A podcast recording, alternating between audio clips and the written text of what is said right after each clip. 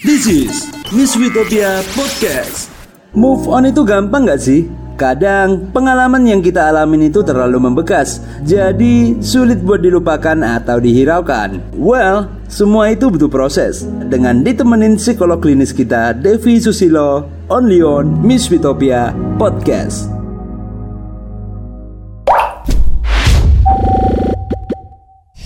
Welcome home, Misfits. Hey Misfits, welcome home. Post hari ini buat yang bingung dan nggak paham kenapa masih banyak banget yang stuck dan kesulitan buat move on dari pengalaman bullying.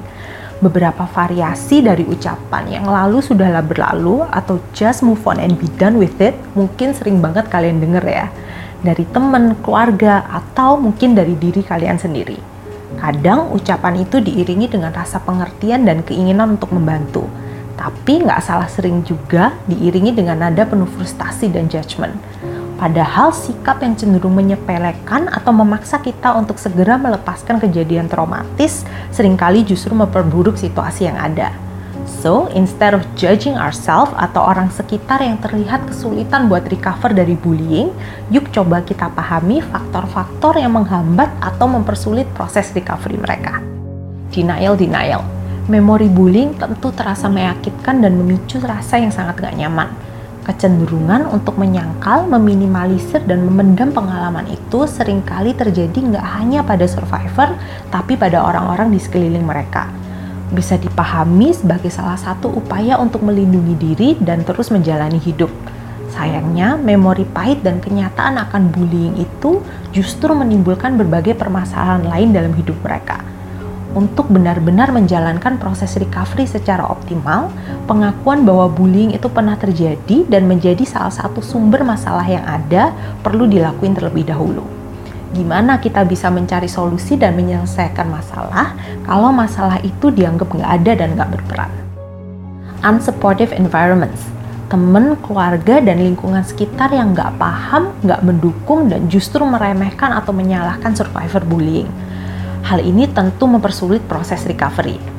Hal ini nggak hanya berupa nggak ada atau kurangnya upaya untuk membantu, misalnya dalam bentuk emotional support, dorongan positif, atau pembelian resources dan jaringan yang dibutuhin. Selain itu, sikap-sikap yang cenderung meremehkan dan menyalahkan survivor sayangnya sangat sering terjadi. Kamu aja yang terlalu sensi, atau salah sendiri dulu diem dan nggak ngelapor.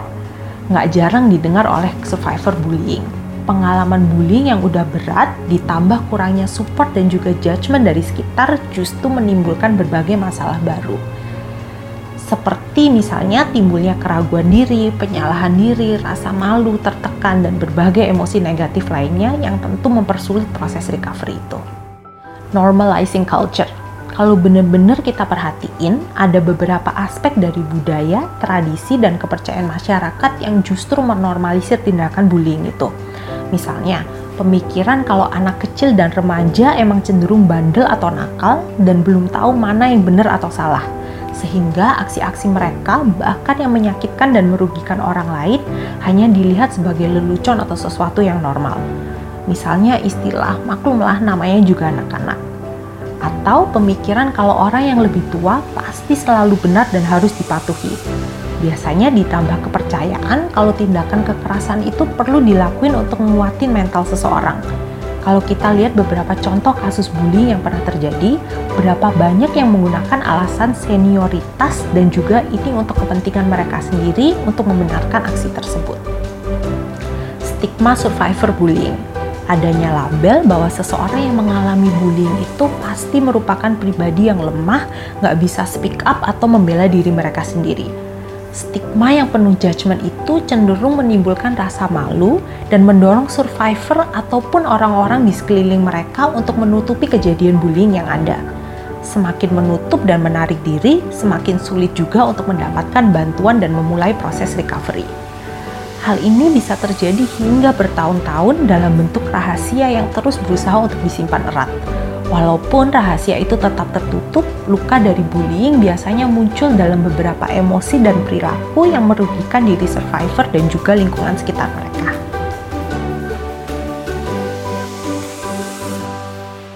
This is Miss Utopia Podcast.